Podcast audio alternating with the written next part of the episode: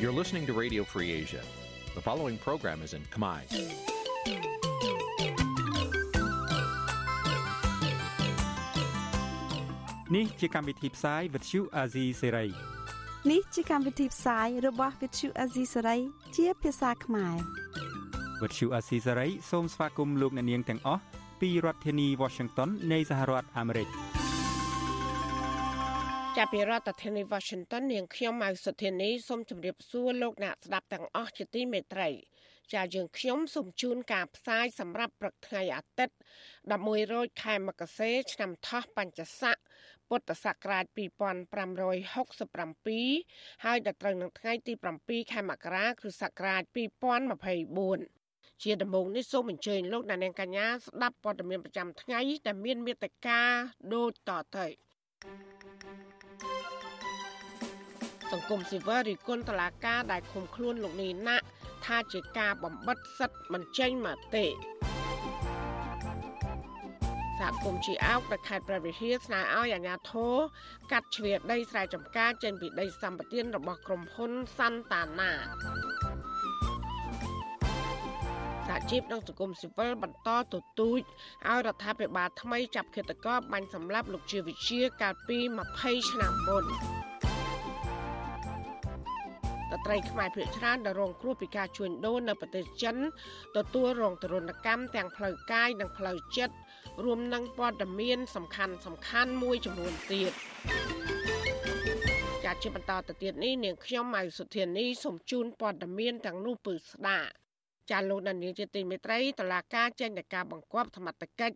ឲ្យនាំខ្លួនអ្នកជំនាញកសិកម្មលោកនីណាក់ទៅឃុំខ្លួនបដាអសន្ននៅពន្ធនាគារប្រៃសណពីបទបរហាគេជាសាធារណៈនិងញុះញង់ឲ្យមានការរើសអើង មន្ត្រីសង្គមស៊ីវិលថាការសម្រេចឃុំខ្លួនលោកនីណាក់ជាលើកទី2នេះនឹងធ្វើឲ្យរដ្ឋាភិបាលកម្ពុជារងការរិះគន់បន្ថែម ពីសាធារណជននិងអន្តរជាតិអំពីការរំលោភសិទ្ធិសេរីភាពជាមូលដ្ឋានជាពិសេសគឺសេរីភាពបញ្ចេញមតិចាប់ពីរដ្ឋធានី Washington លោកយុនសមៀនរាយការណ៍ព័ត៌មាននេះចៅក្រមស៊ើបសួរសាលាដំបងរាជធានីភ្នំពេញលោកញឹមពិសាលបានសម្រេចឃុំខ្លួនអ្នកជំនាញកសិកម្មលោកនីណា នៅពន្ធនាគារព្រៃសរឬមណ្ឌលអប់រំកែប្រែទី1ហើយតុលាការចោទប្រកាន់លោកនីណាពីបទមិនរៀងចាលក្នុងបទមជ្ឈិមបន្ទាប់ពីការផ្ដន្ទាទោសបទមជ្ឈិមបរិហាកេជាសាធារណៈនិងញុះញង់ឲ្យមានការរើសអើងសាលាដំបងរាជធានីភ្នំពេញបានសាកសួរលោកនីណាកាលពីរសៀលថ្ងៃទី5ខែមករារហូតដល់ម៉ោងប្រមាណ8យប់ ទើបតុលាការសម្រេចបញ្ជូនខ្លួនលោកនីណាទៅឃុំនៅក្រសួងមហាផ្ទៃជាបណ្ដោះអាសន្នមួយយប់សិនរហូតដល់ថ្ងៃសៅរ៍ទី6មករាទើបសមត្ថកិច្ចបញ្ជូនទៅឃុំនៅពន្ធនាគារព្រៃសរភរិយាលោកនីណាគឺលោកស្រីសុកស៊ីណែតប្រពន្ធអាស៊ីសេរីថាលោកហេងសួររដ្ឋមន្ត្រីក្រសួងកាងារជាអ្នកនៅពីក្រោយករណីចាប់ខ្លួនប្តីរបស់លោកស្រី ទៅខាងតឡាការហ្នឹងគេថាព័ត៌មាននោះវាជាព័ត៌មានមិនពិតយើងព័ត៌មានយកព័ត៌មានមិនពិតហ្នឹងទៅផ្សព្វផ្សាយអាព្រោះអីថាការដែលកាត់ដីឲ្យហេងសួរនោះមិនមែនហេងសួរដែលធ្វើការនៅក្រសួងការងារទេគឺហេងសួរផ្សេងទៀតគាត់ថាអញ្ចឹងលោកហេងសួរបានប្តឹងលោកនីណាពីបទបរិហាគេនិងផ្សាយព័ត៌មានមិនពិត បន្ទាប់ពីលោកនីណាបានសរសេរក្នុងទំព័រ Facebook លោកថាឈ្មោះហេងសួរមិនដឹងធ្វើអ្វីជូនជាតិ ទើបទទួលបានដីព្រៃជាច្រើនហិកតានៅខេត្តកំពតទោះបីជាយ៉ាងណាលោកនីណាមិនបានសរសេរថាលោកហេងសួរជារដ្ឋមន្ត្រីក្រសួងកាងារនោះទេកន្លងមកលោកនាយករដ្ឋមន្ត្រីហ៊ុនម៉ាណែតនិងលោកហេងសួរបានបដិសេធថាឈ្មោះហេងសួរដែលទទួលបានដីនៅខេត្តកំពតមិនមែនហេងសួរជារដ្ឋមន្ត្រីក្រសួងកាងារឡើយ។ ជុំវិញការចាប់ខ្លួនលោកនីណាក់នេះនាយកទទួលបន្ទុកកិច្ចការទូតទៅនៃអង្គការឃ្លាំមើលសិទ្ធិមនុស្សលីកាដូលោកអំសំអាត មានប្រសាសន៍ថាការសម្រេចឃុំខ្លួនលោកនីណានឹងរងការរិះគន់ពីសាធារណជនជាតិនិងអន្តរជាតិថារដ្ឋាភិបាលកំពុងតែរឹតបន្តឹងសិទ្ធិសេរីភាពជាមូលដ្ឋានការ ចែកបណ្ដាច់រវាងអ្វីជាសេរីភាពមូលដ្ឋានសេរីភាពក្នុងការបញ្ចេញមតិអ្វីជាបទល្មើសនៅក្នុងការចោទប្រកាន់នៅហើយដែលនាំឲ្យមានការរិះគន់បន្ថែមទៀតពីសហគមន៍ជាតិនិងអន្តរជាតិណាបាទទៅលើបញ្ហានេះហើយមួយទៀតជាអតិពលមិនល្អដែរសម្រាប់សេរីភាពក្នុងការបញ្ចេញមតិ ប្រទេសកម្ពុជាយើងដែលកន្លងមកគេតែងតែរិះគន់ថាសេរីភាពក្នុងការបញ្ចេញមតិស្ថិតនៅក្នុងការរដ្ឋបတ်ការចោទប្រកាន់និងឃុំខ្លួនលោកនីណាក់សាជាថ្មីនេះធ្វើឡើងក្រោយពីលោកតែងតែបញ្ចេញមតិលើបណ្ដាញសង្គមចំអកភាពអសកម្មរបស់រដ្ឋាភិបាលលោកនីណាក់ក៏ធ្លាប់ត្រូវបានអតីតរដ្ឋមន្ត្រីក្រសួងកសិកម្មលោកវេងសខុន ប្តឹងពីបទញុះញង់ហើយតុលាការផ្តន្ទាទោសលោកដោយដាក់ពន្ធនាគារ18ខែកន្លងទៅហើយកាលនោះលោកនីណាក់សរសេររិះគន់យុទ្ធនាការរបស់ក្រសួងកសិកម្មនិងឌឺដងរឿងទិញម៉ាស់ពាក់ឲ្យកូនមន់គណៈកម្ពុជាកំពុងផ្ទុះជំងឺ Covid-19 កាលពីចុងឆ្នាំ2019កាលពីខែកញ្ញាឆ្នាំ2013ជនមិនស្គាល់មុខមួយក្រុម មានគ្នាប្រមាណ8នាក់បានជិះម៉ូតូបុកលោកនីណាឲ្យដួល និងព្រួតគ្នាវាយលោកឲ្យបែកក្បាលរបួសធ្ងន់នៅពេលលោកនិងប្រពន្ធរបស់លោកកំពុងធ្វើដំណើរតាមផ្លូវមកទល់ពេលនេះអាជ្ញាធរនៅមិនទាន់ចាប់ខ្លួនជនបង្កមកផ្ដន់ទោសបាននៅឡើយទេខ្ញុំយុនសាមៀនវិទ្យុអាស៊ីសេរីប្រធានាធិបតី Washington ចាលោកនាងជាទីមេត្រីមន្ត្រីសង្គមស៊ីវិលលើកឡើងថាការដកហូតមុខតំណែង និងបណ្ដឹងចេញមន្ត្រីនគរបាលជាតិពីក្របខ័ណ្ឌដោយសារការប្រព្រឹត្ត COVID 19គឺជារឿងល្អដើម្បីជំរុញប្រសិទ្ធភាពការងារបម្រើសង្គមជាតិនិងជំរុះចោលមន្ត្រីពុករលួយ ប៉ុន្តែពួកគាត់ថាក្រសួងថ្នាក់ដឹកនាំគួរតែបង្ហាញពីដំណាភាពដើម្បីធានាបាននៅភាពយុត្តិធម៌ដោយមិនយកវិធីនេះធ្វើជាលេសដាក់គម្រាមឬក៏ដាក់សម្ពាធលើមន្ត្រីរាជការដែលមាននិន្នាការផ្ទុយពីរដ្ឋាភិបាលនោះឡើយចា៎នេះគឺជាសេចក្តីរាយការណ៍របស់លោកជាតិចំណានជំវិញព័ត៌មាននេះមន្ត្រីសង្គមស៊ីវិលលើកឡើងថា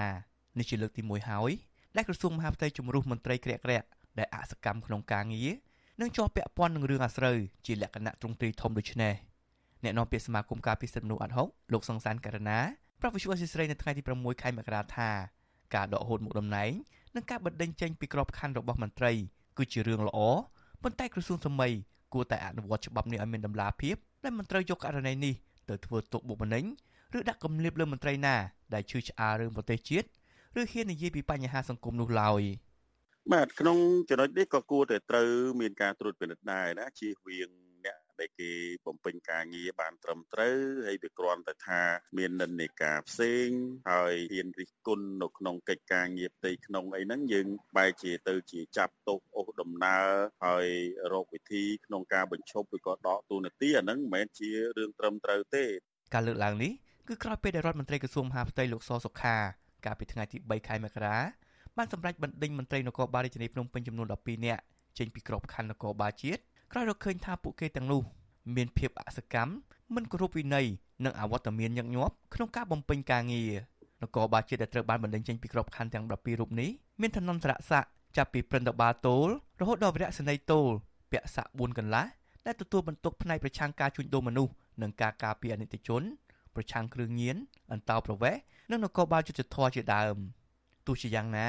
ការដកហូតមុខតំណែងនិងការបណ្តេញចេញពីក្របខ័ណ្ឌនគរបាលជាតិមិនទាន់អស់នោះទេដោយក្រសួងមហាផ្ទៃបានដកមន្ត្រីនគរបាលជាតិចំនួន10រូបផ្សេងទៀតនៅដើមសប្តាហ៍ក្នុងខែមករានេះក្រោយរកឃើញថាមានផ្ទុកសារធាតុញៀនដោយឡែកអនុរដ្ឋលេខាធិការក្រសួងមហាផ្ទៃនិងជាអនុប្រធានគណៈកម្មាធិការប្រយុទ្ធប្រឆាំងផលិតផលคล้ายคล้ายត្រូវបានព្រះមហាក្សត្របញ្ឈប់ទូនាទីកាលពីថ្ងៃទី15ខែធ្នូបន្ទាប់ពីលេចធ្លាយរឿងអាស្រូវមួយដែលក្រុមហ៊ុនលក់ស្រាបានប្តឹងទៅក្រសួងមហាផ្ទៃក្រោយលោក គៀបស៊ីលុយក្រុមហ៊ុនចំនួន100000ដុល្លារនិងស្រាថ្លៃថ្លៃចំនួន750ដបថ្មីថ្មីនេះគឺនៅថ្ងៃទី5ខែមករាព្រះមហាក្សត្របានចេញព្រះរាជក្រឹត្យត្រាស់បង្គាប់បន្ថយនិងដកហូតឋានន្តរស័ក្តិលោកកែវរតមនីពីឧត្តមសេនីយ៍ត្រីផ្កាយមួយមកជាពលបាលត្រីគ្មានស័ក្តិបន្ទាប់ពីមន្ត្រីរដ្ឋាភិបាលប្រវេសរូបនេះបានរងការចោទពីបទឆោបោកនិងមិនបំពេញកាតព្វកិច្ចចំពោះឧបករណ៍ដែលអាចជួញដូរបាននៅថ្ងៃដដែលនោះមន្ត្រីជាន់ខ្ពស់នគរបាលជាតិចំនួន4រូបផ្សេងទៀតរួមមានលោកទូចយុធា ដែលមានឋានន្តរស័ក្តិជាឧត្តមសេនីយ៍តូផ្កាយ2និងឧត្តមសេនីយ៍ត្រី3នាក់ទៀតត្រូវបានដកហូតឋានន្តរស័ក្តិឲ្យមកត្រឹមថ្នាក់ពលបាលត្រីផងដែរការដកហូតមុខតំណែងនិងការបណ្ដេញមន្ត្រីនគរបាលជាតិចេញពីក្របខ័ណ្ឌបែបនេះហាក់ផុសផុលពីធម្មតាបន្ទាប់ពីរដ្ឋមន្ត្រីក្រសួងមហាផ្ទៃលោកសសុខាឡើងកាន់តំណែងជាឧបនាយករដ្ឋមន្ត្រីដោយអនុវត្តធ្វើយុទ្ធនាការសម្អាតផ្ទះខ្ញុំវិសុវអសីសេរីមិនអាចតកតងแนะនាំពាក្យក្រសួងមហាផ្ទៃលោកទូចសុខៈ និងអ្នកនាំពាក្យអគ្គស្នងការដ្ឋាននគរបាលជាតិលោកឆៃកំខឿនដើម្បីសុំការបកស្រាយជុំវិញរឿងនេះបានទេនៅថ្ងៃទី6ខែមករាជុំវិញរឿងនេះអ្នកប្រឹក្សាយោបល់ផ្នែកអភិវឌ្ឍផ្នែកកំណត់និងការស្រាវជ្រាវលោកសេកសុជាតិលើកឡើងថារដ្ឋាភិបាលគួរតែបញ្ជាក់អំពីមូលហេតុឲ្យមានដំណាភាពដើម្បីឲ្យមហាជនមើលឃើញកាន់តែច្បាស់ពីភាពត្រឹមត្រូវក្នុងការអនុវត្តច្បាប់ចំពោះមន្ត្រីដែលអសកម្មក្នុងការងារនិងប្រព្រឹត្តអំពើពុករលួយលោកបន្តថាក្រសួងសម័យគួរតែបើកសិទ្ធិឲ្យមន្ត្រី ដែលត្រូវទទួលការត្រួតពិនិត្យឬដកចេញពីក្របខ័ណ្ឌរដ្ឋឲ្យតស៊ូមតិដែរដើម្បីបញ្ជាក់ថាការដាក់ពិន័យនេះមិនពាក់ព័ន្ធនឹងការប្រកាន់បពពួកអំពើពុករលួយ ឬការប្រកាន់និន្នាការនយោបាយ។ ការវាតម្លៃការងាររបស់មន្ត្រីជំនាញបើសិនជាគ្មានអំពើពុករលួយគ្មានបពុនិយមខ្ញុំជឿជាក់ថាការអនុវត្តនេះអាចនឹងទទួលយកបានរាជរដ្ឋាភិបាលក៏ដូចជាសម័យក្រសួងត្រូវតែបញ្ជាក់មូលហេតុឲ្យបានច្បាស់លាស់ពីព្រោះមូលហេតុនេះធ្វើទៅវាមានសម្លាប់ភាពហើយអ្នកដែលត្រូវដកក៏អស់ចិត្តហើយនឹងអ្នកដែលត្រូវពិន័យក៏គាត់ព្រមទទួលដោយច្បាស់ចិត្តហើយมันមានការចោទប្រកាន់គ្នាទៅវិញទៅមកនៅក្នុងការអនុវត្តរបស់ពួកគាត់ទាំងអស់គ្នានឹងបាទ ទោះជាយ៉ាងណាមន្ត្រីអង្គការសង្គមស៊ីវិលជំរុញឲ្យក្រសួងមហាផ្ទៃបន្តចាត់វិធានការនឹងជំរុះមន្ត្រីពុករលួយអសកម្មនិងមន្ត្រីដែលយកអំណាចទូនីតិមកធ្វើបាបពលរដ្ឋដោយមិនគិតពីខ្សែស្រឡាយនិងបពពួកដើម្បីបង្កើតសុក្រិតភាពការងារនិងលុបបំបាត់អយុត្តិធម៌ក្នុងសង្គមខ្ញុំបាទជាចំណាន Visual Assisray ប្រធានាទី Washington ចាលោកនាងកញ្ញាកំពុងស្ដាប់ការផ្សាយរបស់វិទ្យុអសីស្រីផ្សាយចេញពីរដ្ឋធានី Washington ស្ត្រីខ្មែរខ្លះដែលរួចខ្លួនចេញពីការជួញដូរផ្លូវភេទបាននិយាយថាបរិចិននិងគ្រួសារខ្លះបានចាត់ទុកពួកនាងដូចជាឧបករណ៍បង្កើតកូន ហើយរងការវាយធ្វើបាបលើរាងកាយបង្ខាំងនៅក្នុងបន្ទប់និងគៀបសង្កត់ត្រីភាពគ្រប់បែបយ៉ាងតើស្ត្រីខ្មែរទាំងនោះមានបណ្ដាំអ្វីខ្លះ ដល់ស្ត្រីខ្មែរគ្រប់រូបនៅក្នុងប្រទេសកម្ពុជាចាសសេចក្តីរាយការណ៍ពុស្ដាជុំវិញរឿងនេះលោកដានៀងនឹងបានស្ដាប់នាពេលបន្តិចទៀតនេះចាលោកដានៀងកញ្ញាជាទីមេត្រីដំណើរគ្នានឹងស្ដាប់ការផ្សាយរបស់វិទ្យុអសីស្រី តាមបណ្ដាញសង្គម Facebook YouTube និង Telegram លោកដានៀងក៏អាចស្ដាប់ការផ្សាយរបស់យើងតាមរយៈរលកធាតុអាកាសខ្លីឬ Shortwave តាមកម្រិតនិងកម្ពស់ដូចតទៅចាប់ពីព្រឹកចាប់ពីម៉ោង5កន្លះដល់ម៉ោង6កន្លះតាមរយៈប៉ុស SW 93.90 MHz ស្មើនឹងកម្ពស់ 32m និងប៉ុស SW 11.85 MHz ស្មើនឹងកម្ពស់ 25m ចាសម្រាប់ពេលយប់វិញ គឺចាប់ពីម៉ោង7កន្លះដល់ម៉ោង8កន្លះ គឺតាមរយៈប៉ុស SW 93.30 MHz ស្មើនឹងកម្ពស់ 32m ប៉ុស SW 11.88 MHz ស្មើនឹងកម្ពស់ 25m និងប៉ុស SW 15.15 MHz ស្មើនឹងកម្ពស់ 20m ចាសសូមអរគុណ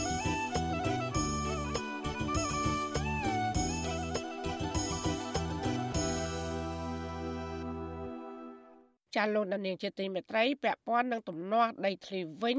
ពជាសហគមន៍ជាអោកនៅខេត្តប្រវត្តិហាដែលកំពុងមានវិវាទដីធ្លីស្នើទៅអាជ្ញាធរខេត្តនេះឲ្យកាត់ជ្រៀតដីស្រែចម្ការរបស់ពួកគាត់ចេញពីគម្រោងដីសម្បត្តិសេដ្ឋកិច្ចក្រុមហ៊ុនសន្តានារបស់លោកអុកកំសាន្ត ចាមន្ត្រីសង្គមស៊ីវិលយល់ឃើញថា មន្ត្រីពាក់ព័ន្ធគួរតែយកយន្តការមកដោះស្រាយឲ្យប្រជាពលរដ្ឋចាលោកសេកបណ្ឌិតមានសេចក្តីរាយការណ៍ពុស្ដាជំវិញព័ត៌មាននេះសហគមន៍ជាអោកស្ថិតនៅឃុំរមនីស្រុករវៀងខេត្តព្រះវិហារទទូចឲ្យអាជ្ញាធរពាក់ព័ន្ធថ្នាក់ខេត្តជួយកាត់ជ្រៀលដីចំការរបស់ប្រជាពលរដ្ឋចំនួន15គ្រួសារទំហំជាង30ហិកតាចេញពីគម្រោងដីសម្បត្តិសេដ្ឋកិច្ចរបស់ក្រុមហ៊ុនសន្តានា ពីព្រោះពួកគាត់ពុំមានដីសម្រាប់អាស្រ័យផលនោះទេ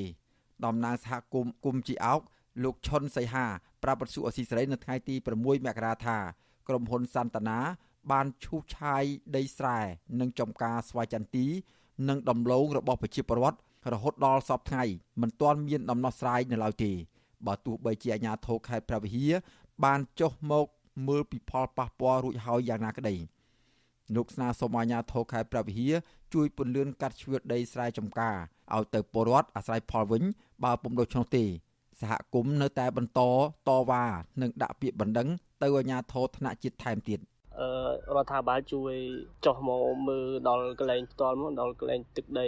ដែលពួកពួកខ្ញុំរស់នៅអាស្រ័យផលផ្ទាល់អានោះឲ្យដឹងតើថាវារឿងនេះវាយ៉ាងម៉េចចង់ឲ្យពួកគាត់មក សិក្សាឲ្យបានច្បាស់ឲ្យដឹងថាទុកលំបាកពួកខ្ញុំវាយ៉ាងម៉េចនៅកន្លែងនេះគឺគ្មានអីក្រៅពីដីចំការទេបើគ្មានដីចំការតើឲ្យពួកខ្ញុំទៅសង្ឃឹមអីទៀតទៅថ្ងៃមុខថ្ងៃក្រោយប្រជាសហគមន៍នៅភូមិជីអោកលោកស្រីថៃធីនឲ្យដឹងថា ដីចំការទាំងអស់នោះពលរដ្ឋអាស្រ័យផលនឹងធ្វើចំការវល់ជុំជិត20ឆ្នាំមកហើយចំណែកអាជ្ញាធរភូមិឃុំមិនបានគិតគូរនឹងរកដំណោះស្រាយជួយពលរដ្ឋនោះទេផ្ទុយទៅវិញបានគប់គិតគ្នា បោកប្រាស់ឲ្យប្រជាពលរដ្ឋផ្តិតមេដៃលក់ដីស្រែចម្ការឲ្យទៅក្រុមហ៊ុន លោកស្រីចាត់ទុកទង្វើបែបនេះថាវាជារឿងអយុត្តិធម៌ចំពោះប្រជាពលរដ្ឋក្រីក្រអត់មានយុទ្ធធัวទេក្រុមហ៊ុនក្រុមហ៊ុនមកចូលនិយាយដូចតែបំផ្លាញប្រជាពលរដ្ឋពេកហើយបំផ្លាញប្រជាពលរដ្ឋបំផ្លាញទឹកចិត្ត មិនអោយជាបរដ្ឋមានទុកចិត្តនឹងលើសហគមន៍សំបីតែនឹងប្រធានភូមិខ្ញុំថាផោះចេះអីមិនធ្វើឲ្យកូនចៅមានទុកចិត្តជាមួយគាត់សោះដល់ពេលមានកិច្ចការអ្វីដូចថាត្រូវជុំធ្វើការអ្វីមកជាបរដ្ឋដូចថាលកិលកានហើយរងថ្ងៃជុំវិញរឿងនេះវិទ្យុអស៊ីសេរីនៅពុំទាន់អាចតាក់ទងអភិបាលខេត្តប្រវត្តិហាលោកកឹមរិទ្ធីនិងអភិបាលស្រុករវៀង លោកហៅប៊ុនហួរដើម្បីសុំការឆ្លើយតបបានទេនៅថ្ងៃទី6មករាដោយទូរស័ព្ទចូលតែពុំមានអ្នកទទួលអ្នកសម្របសម្រួលគម្រោងធុរកិច្ចនិងសិទ្ធិមនុស្សរបស់មជ្ឈមណ្ឌលសិទ្ធិមនុស្សកម្ពុជាលោកវ៉ាន់សុផាតយល់ឃើញថាអាញាធរពពាន់មិនបានយកចិត្តទុកដាក់ដោះស្រាយឲ្យប្រជាពលរដ្ឋបានពេញលេញបើទោះបីមានច្បាប់និងយន្តការមានហើយនោះយ៉ាងណាក្តីដូច្នេះទើបធ្វើឲ្យបញ្ហាចំនួនដីធ្លីបន្តកើតមានឡើងកាន់តែច្រើននិងคล้ายទៅជាជំងឺរ៉ាំរ៉ៃមួយ។ លោកលើកទឹកចិត្តឲ្យអាជ្ញាធរពាក់ព័ន្ធនិងក្រុមហ៊ុនឯកជនរកដំណោះស្រាយឲ្យប្រជាពលរដ្ឋជាមុនសិនទើបកាត់បន្ថយបញ្ហាមិនមានការរំលោភសិទ្ធិមនុស្សធ្ងន់ធ្ងរស្ថាប័នដែលពាក់ព័ន្ធហ្នឹងស្ថាប័នមានសមត្ថកិច្ចហ្នឹងគឺថាពិនិត្យមើលទៅទូនាទីរបស់ខ្លួនឡើងវិញហើយជួយជ្រោមជ្រែងរាជរដ្ឋាភិបាលថ្មីនេះដើម្បីធ្វើម៉េចឲ្យ កែតម្រូវឬមួយកែសម្រួលឬក៏ធ្វើកំណែតម្រង់យ៉ាងណាដើម្បីកំណែតម្រង់អបាលកិច្ចដីធ្លីហ្នឹងឲ្យមានភាពប្រសើរឡើងជាងមុនស្ថាប័ននិងយន្តការដោះស្រាយទំនាស់ដីធ្លីទាំងអស់ហ្នឹងអឺសកម្មបាទដើរឡើងវិញមានដំណើរការឡើងវិញកុំឲ្យគាំងស្ដោកអញ្ចឹងគឺថាហ្នឹងมันអាចដោះស្រាយឲ្យបានទេបាទកាលពីឆ្នាំ2021រដ្ឋាភិបាលបានផ្ដល់ដីសម្បត្តិសេដ្ឋកិច្ចជាង10000ហិកតា ដែលស្ថិតនៅឃុំរមនីស្រុករវៀងខេត្តព្រះវិហារ ទៅឲ្យក្រុមហ៊ុនសន្តានារបស់លោកអ៊ុកកំសានអតីតដៃស្ដាំរបស់លោកទ្រីភិបដែលល្បីឈ្មោះខាងជួញដូរឈើដឹកយកទៅលក់នៅក្រៅប្រទេស ជាពិសេសយកទៅលក់នៅប្រទេសវៀតណាមការផ្ដល់ដីសម្បត្តិសេដ្ឋកិច្ចនេះធ្វើឲ្យប៉ះពាល់ដល់ប្រិយសហគមន៍ដែនជំរកសត្វព្រៃបឹងពែនិងដីអាស្រ័យផលរបស់ប្រជាពលរដ្ឋរស់នៅឃុំរមនីស្រុករវៀងខេត្តប្រវត្តិហាហើយពលរដ្ឋក៏បាត់បង់ទីកន្លែងដែលពួកគេចូលទៅអាស្រ័យផលផងដែរ ខ្ញុំបាទសេកបណ្ឌិតពទ្យុអាស៊ីសេរីពីរដ្ឋធានីវ៉ាស៊ីនតោន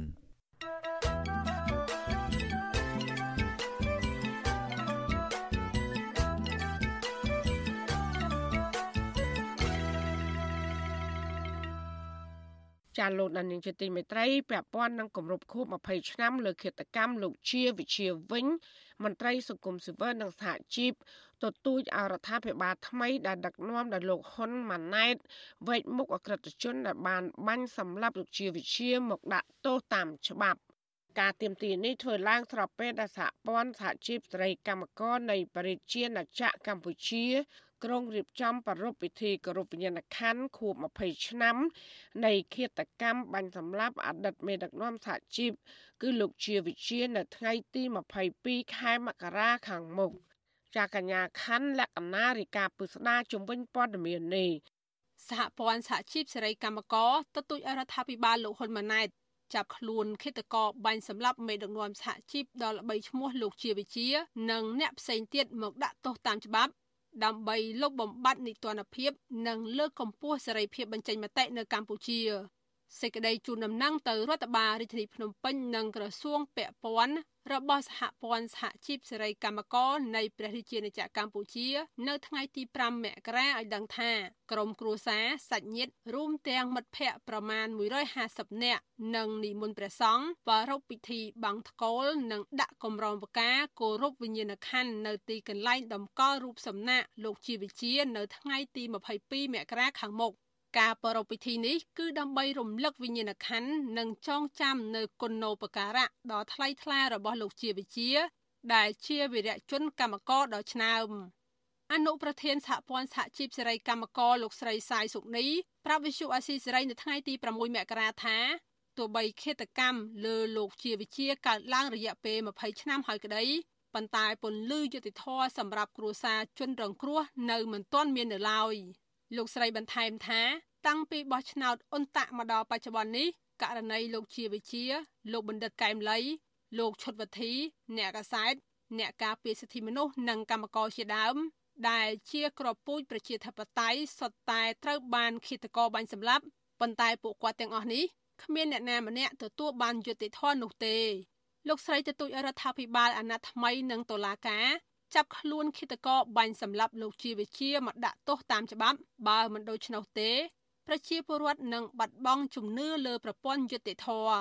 វាឆ្លុះបញ្ចាំងពី ជាគំរូអាក្រក់មួយដែលដូចថាវិបត្តិធម៌នៃតនភាពអ្នកស្លាប់ចិត្តស្លាប់ទៅអ្នករងគ្រោះចេះតែរងគ្រោះទៅវាគឺជាអំពើអយុត្តិធម៌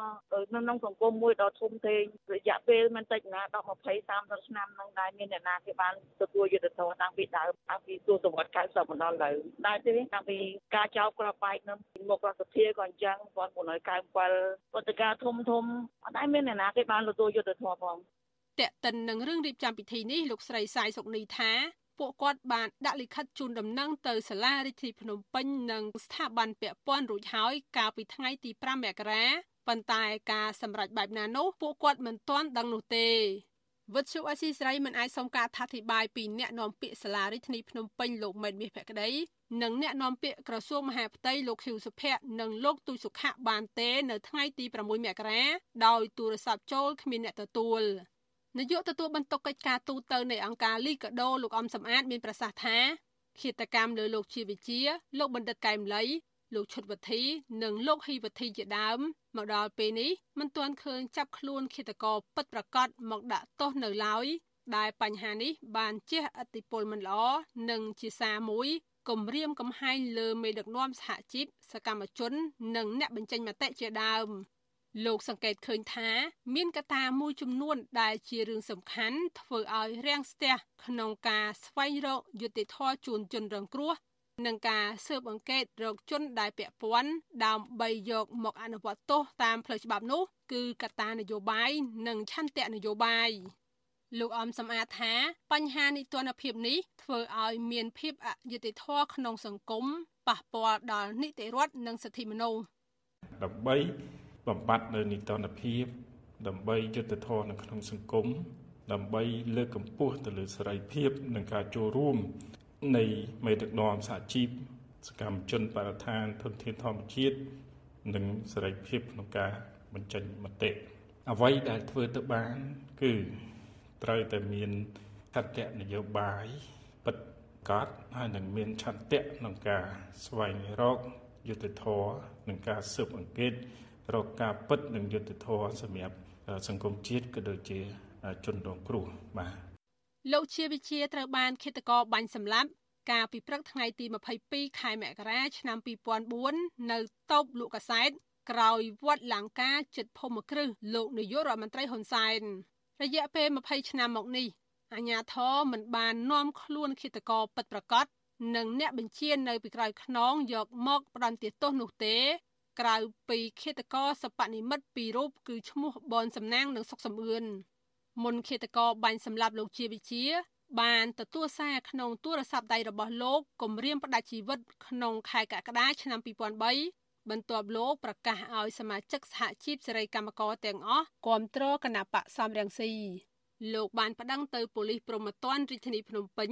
ហើយប៉ូលីសបានឆ្លើយថាមិនហ៊ានចាត់ការទេពីព្រោះអ្នកគម្រាមនោះ ជាមន្ត្រីមានឋានៈធំខ្ពស់ហើយប៉ូលីសរូបនោះបានណែនាំឲ្យលោកជាវិជាត្រូវរកកន្លែងមានសុវត្ថិភាពទោះបីជាយ៉ាងនេះក្តីលោកជាវិជាមិនព្រមចាក់ចេញពីប្រទេសកម្ពុជាទេព្រោះលោកចង់តស៊ូដើម្បីផលប្រយោជន៍កម្មករសេរីភាពនិងលទ្ធិប្រជាធិបតេយ្យនៅកម្ពុជាក្រុមអង្គការឃ្លាំមើលសិទ្ធិមនុស្សជាតិនិងអន្តរជាតិរិះគន់ថា រដ្ឋាភិបាលលោកហ៊ុនសែនអាចមានជាប់ពាក់ព័ន្ធដោយផ្ទាល់ទៅនឹងករណីធ្វើឲ្យមានវប្បធម៌នីតិរដ្ឋភាពនៅក្នុងសង្គមកម្ពុជារហូតមកទល់សប្តាហ៍ថ្ងៃនេះខ្ញុំខណ្ឌលក្ខណាវុទ្ធុអាស៊ីសេរី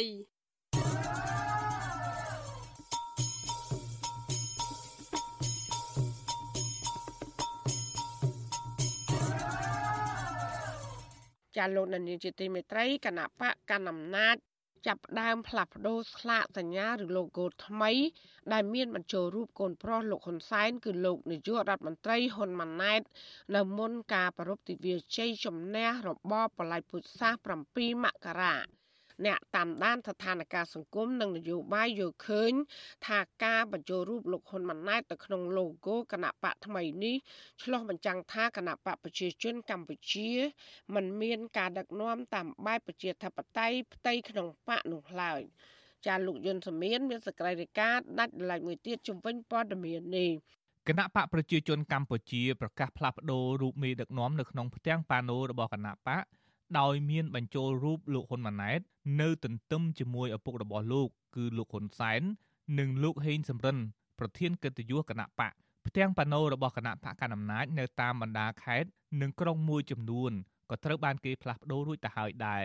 អ្នកវិភាគនយោបាយមួយចំនួនលើកឡើងថាការលើកដំកើងកូនប្រុសច្បងឲ្យคล้ายជាអនុប្រធានគណៈបកនិងសម្រេចដាក់រូបលោកហ៊ុនម៉ាណែត ទៅក្នុងប៉ាណូគណៈបករំលងអនុប្រធានគណៈបកចាស់វសាដូចជាលោកសខេងលោកទៀបបាញ់អ្នកស្រីម៉ែនសំអន និងលោកសៃឈុំជាដើមអាចធ្វើឲ្យលោកហ៊ុនម៉ាណែតកាន់តែទទួលបានអំណាច នៅក្នុងផ្ទៃក្នុងរបស់គណៈបកតែក៏អាចឲ្យលោកនាយករដ្ឋមន្ត្រីរូបនេះប្រឈមនឹងការបាត់បង់អំណាចផងដែរនៅពេលមិនមានវត្តមានឪពុករបស់លោកសកម្មជនបដិឋាន លោក Alexandro Gonzalez Davidson លើកឡើងថាការដាក់រូបលោកហ៊ុនម៉ាណែតនៅក្នុងប៉ាណូរបស់គណៈបកគឺធ្វើឡើងទៅតាមចិត្តរបស់លោកហ៊ុនសែនដើម្បីពង្រឹងអំណាច និងប្រជាប្រិយភាពកូនប្រុសរបស់លោក មានន័យថាគេកំពុងតែអត់សប្បាយចិត្តជាមួយនឹងការដំឡើងនៅទូនាទីរបស់ហ៊ុនម៉ាណែតទៅជាអនុប្រធានបកនៅពេលដែលម៉ាណែតហ្នឹងគឺអាយុត្រឹម40ជាងតិចហ្នឹងគេអត់សប្បាយចិត្តទេប៉ុន្តែគេអត់ហ៊ាននិយាយអញ្ចឹងនៅពេលណាដែលប្រជាជនតវ៉ាទ្រង់ទាយធំតាមផ្លូវអហិង្សាដើម្បីទាមទារការផ្លាស់ប្ដូរតកុលសកេងតកុលទៀបាញ់តកុលផ្សេងផ្សេងហ្នឹងដែលមិនសប្បាយចិត្តជាមួយតកុលហ៊ុនយូរហើយអាចនឹងចាប់ដៃជាមួយបាតកោដើម្បីការរក្សាផលប្រយោជន៍ខ្លួនឯងនិងដើម្បីចូលរួមជាមួយប្រជាពលរដ្ឋ ស្រដៀងគ្នានេះដែរអ្នកតាមដានភូមិសាស្ត្រនយោបាយតំបន់អាស៊ីនិងប៉ាស៊ីហ្វិកលោកសេងវ៉ាន់លីយល់ឃើញថាការដាក់រូបលោកហ៊ុនម៉ាណែតនៅក្នុងប៉ាណូគណៈបកនេះអាចបញ្ជាក់ថាលោកហ៊ុនម៉ាណែតនឹងក្លាយទៅជាថ្នាក់ដឹកនាំកម្ពុជារបស់គណៈបកប្រជាជនកម្ពុជានៅក្នុងពេលអនាគតលោកស្នើថាលោកនាយករដ្ឋមន្ត្រីហ៊ុនម៉ាណែតគួរតែចាប់ផ្ដើមបើកលំហលទ្ធិប្រជាធិបតេយ្យនិងលើកកម្ពស់ការគោរពសិទ្ធិមនុស្សឡើងវិញ